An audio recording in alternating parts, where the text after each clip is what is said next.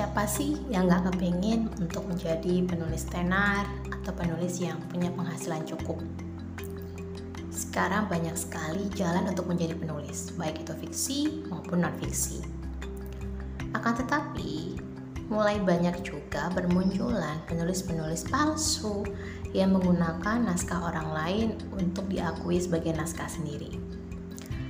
Nah, ini adalah episode yang saya gunakan supaya kamu para penulis pemula gak sampai jadi penulis palsu. Apalagi kalau alasannya adalah ah aku kan cuma terinspirasi gitu ya. Kamu harus bisa membedakan antara terinspirasi dan juga menjiplak. Episode ini adalah bagian dari tantangan 30 hari bersuara 2022 yang diselenggarakan komunitas The Podcasters Indonesia. Ikuti sampai selesai dan jangan lupa follow akun Instagram podcast kata Revi ini yaitu di kata underscore Revi k a t a underscore r e f f i.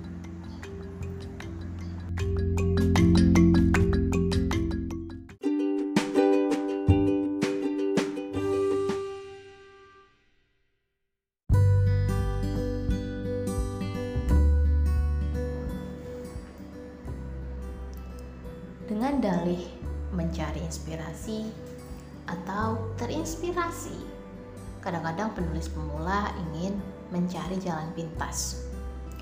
Menjadi penulis palsu adalah fenomena yang cukup sering saya temukan dan dikeluhkan oleh teman-teman penulis lainnya, terutama yang memang menulis di platform seperti Wattpad, kemudian di Novelto dan lain-lainnya lebih nganesnya lagi nih ya, ternyata penulis-penulis palsu tersebut mendapatkan atensi yang sangat besar.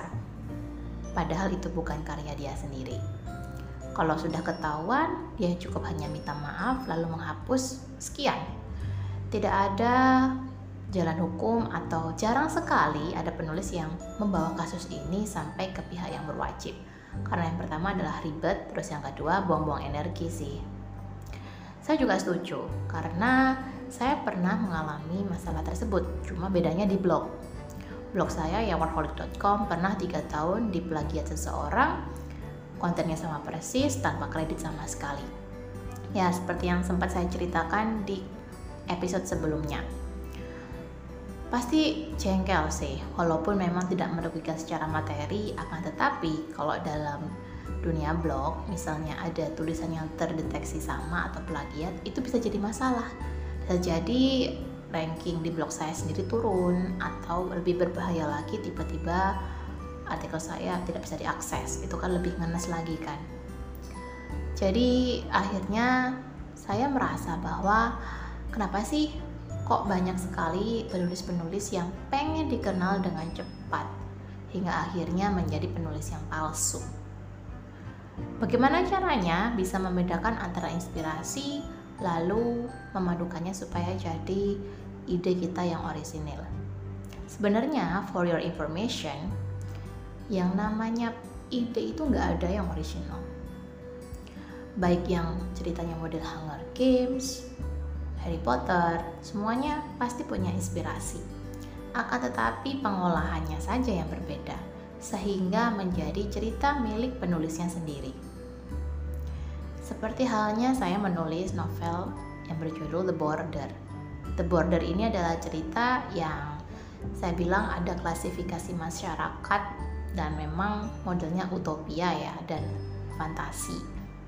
Jadi agak-agak mirip Divergent dan juga agak mirip-mirip Hunger Games. Itu secara suasana sih.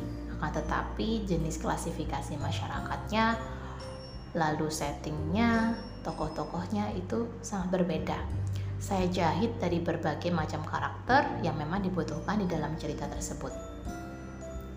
Tipsnya supaya kalian tidak terjebak menjadi penulis palsu atau plagiat ketika merasa terinspirasi, cobalah untuk mengembangkan ide yang kalian dapat dari novel atau cerita fiksi atau ide mana pun menjadi cerita versi kalian sendiri Misalnya karena saya terinspirasi dari The Divergent Akhirnya saya mencoba untuk menyusun dunia saya sendiri dengan klasifikasi masyarakat tertentu.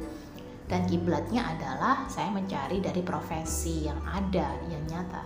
Bukan profesi yang fantasi atau hayal seperti yang ada di film The Divergent. Seperti itu sih tipsnya. Jadi kalian mengubah dengan model kalian sendiri yang memang jauh berbeda dengan sumber inspirasi awalnya. Kemudian, kalau misalnya dalam dunia content writing, kalian perlu belajar untuk storytelling dan juga parafrase. Kalau dalam content writing itu kita bisa melakukan kurasi konten atau rewrite dari artikel yang lama menjadi artikel yang baru. Lebih gampang sih karena kalau dalam artikel kan kita punya aplikasi plagiarism checker yang langsung ketahuan nih, oh misalnya masih ada yang kelihatan sama kayak gitu. Jadi lebih tepatnya berusahalah untuk membangun storytelling dan juga nalar kalian sendiri. Menjadi penulis itu tidak bisa instan. Apalagi kalau kamu mau jadi penulis fiksi. Kamu butuh belajar yang namanya world building, setting, pendalaman karakter, dan lain-lain. Berlatih itu penting, tapi kamu juga jangan lupa untuk berlatih menjaga integritasmu. Sudah siap untuk menjadi penulis yang bermartabat. Terima kasih karena sudah mendengarkan podcast Kata Revi hari ini. Semoga kamu mendapatkan inspirasi dan insight. Dan jangan lupa untuk mendengarkan episode berikutnya ya. Sampai jumpa di podcast kata Revi berikutnya.